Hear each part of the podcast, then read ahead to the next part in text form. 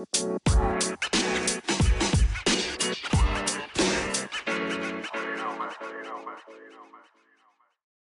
hey, super tof dat je luistert naar een nieuwe aflevering van de Positief met Pubers podcast.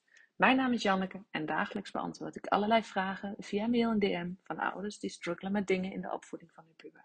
Ik beantwoord deze vragen en in de podcast behandel ik elke aflevering een vraag met jou. Ik geef je mijn visie en ik neem je mee in mijn dagelijks leven. Mocht je dat nog niet gedaan hebben, abonneer je dan op deze podcast, zodat je geen aflevering meer mist. En als je deze podcast tof vindt, geef het dan zoveel mogelijk sterren of een positieve review.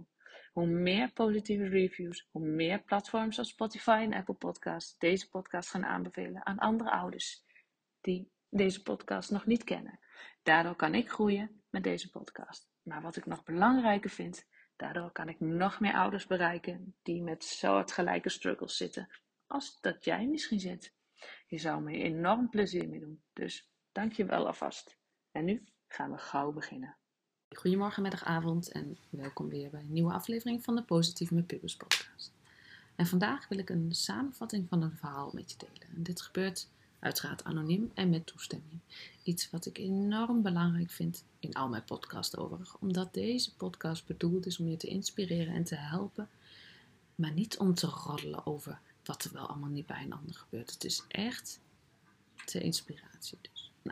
Nou, ik kreeg een mailtje van de moeder. Ze vertelde mij dat het niet goed, ging met haar dochter. Haar dochter heeft nergens meer zin in. Ging uh, en gaat niet meer uit. Spreekt nauwelijks nog af met vriendinnen. Nou, moeder is wel blij dat het op school nog redelijk gaat.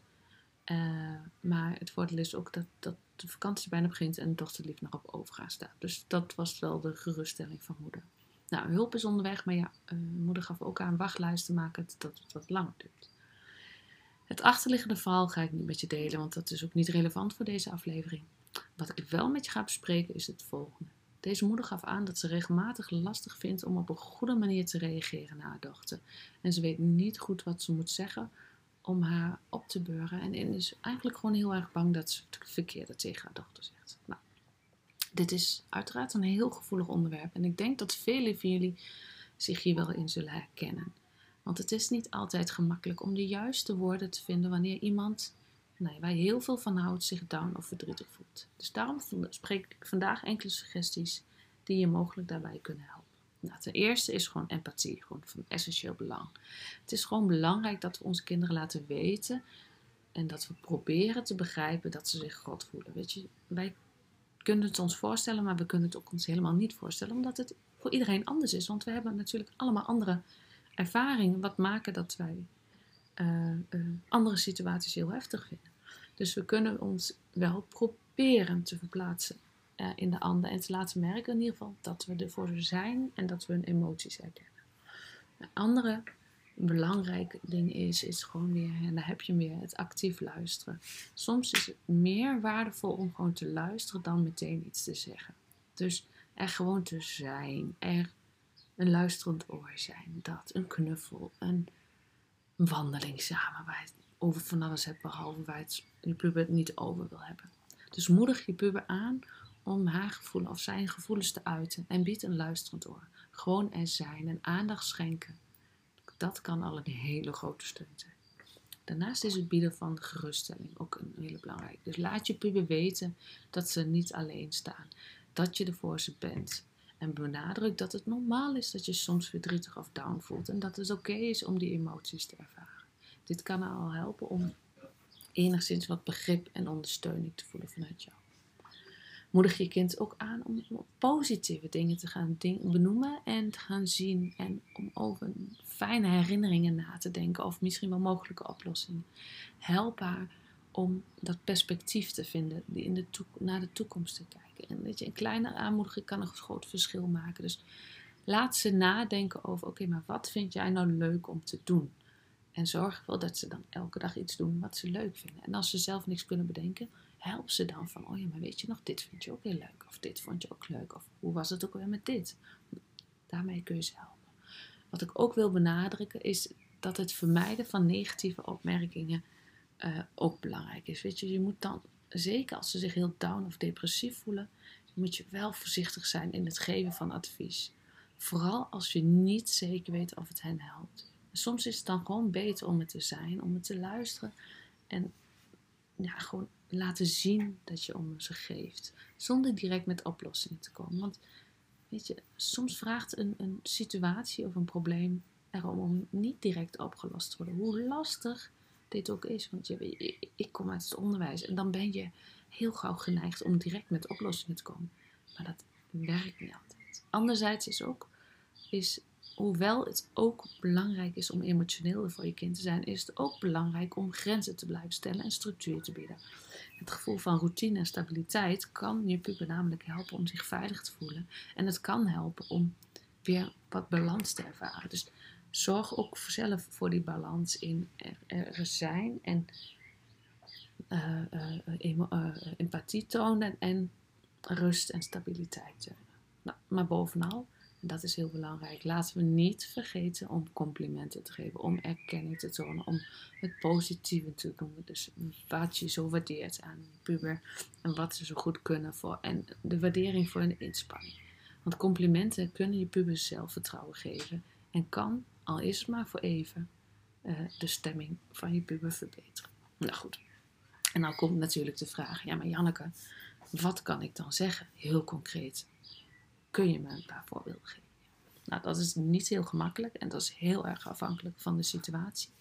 Maar wat je zou kunnen zeggen is bijvoorbeeld: maar weet je lieverd, ik ben er voor je, wat er ook gebeurt. Zullen we samen naar een oplossing gaan zoeken. Als je puber vraagt om oplossing.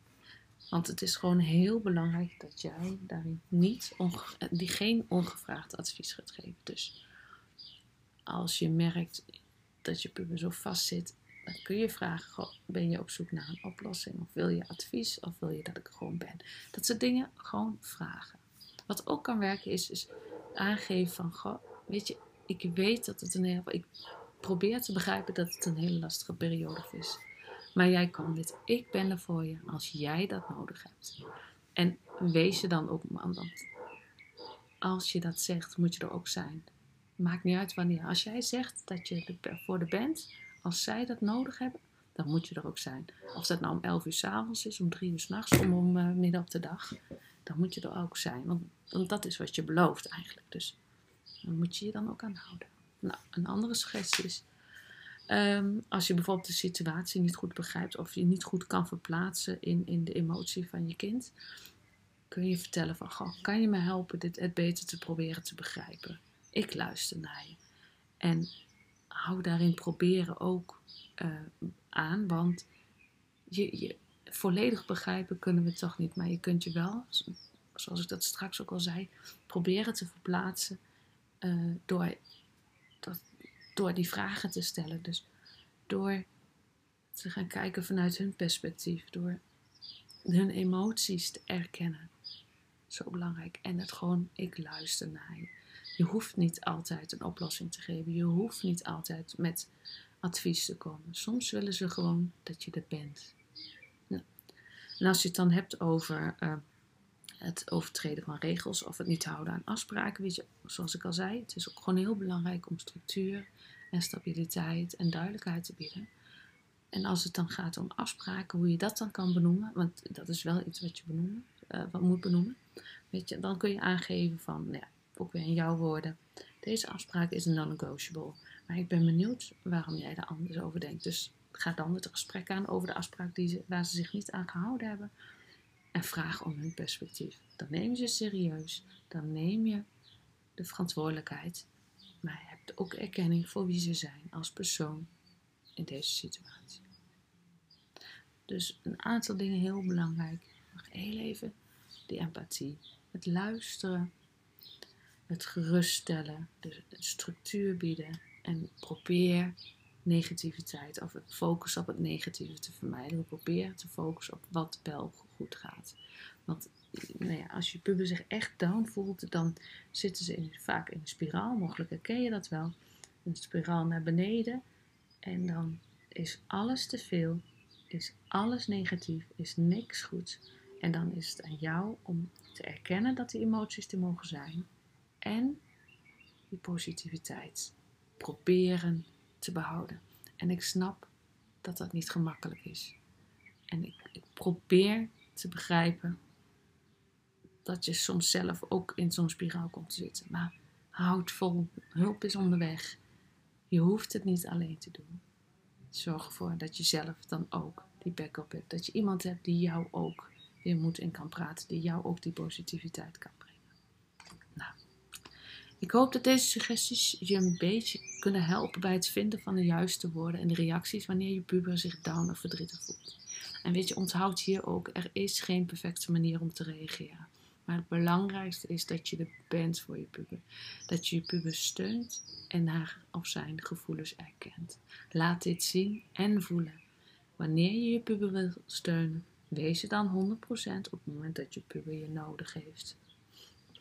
Als tenminste, als je dat ook aangeeft, van goh, ik ben er voor je als je dat nodig hebt, wees er dan ook. Met je lichaam en met je geest. Niet dat je met je gedachten bij alles bent wat nog moet gebeuren en dat je eigenlijk je tijd wel anders kan besteden. Dat, laat dat los. Dat was hem voor vandaag. Ik hoop dat deze aflevering je weer inzicht heeft gegeven. Dat je aflevering weer een beetje geholpen heeft. Of dat je denkt, oh ja, maar dit zijn echt hele concrete zinnen die ik zou kunnen gebruiken. Mocht je willen reageren of suggesties hebben voor de podcast, kan dat natuurlijk. Zoek me dan even op via Insta wanneer, deze pod, uh, wanneer je uh, een inbreng wil hebben. Ik kwam even niet uit. Wanneer je deze podcast waardevol vond, deel hem dan op je social media kanaal of met iemand die er wat aan heeft. Want samen gaan we elke keer één persoon inspireren. En samen kunnen we daardoor het leven van andere pubers en andere ouders positiever maken. Dankjewel voor het luisteren en tot de volgende keer. You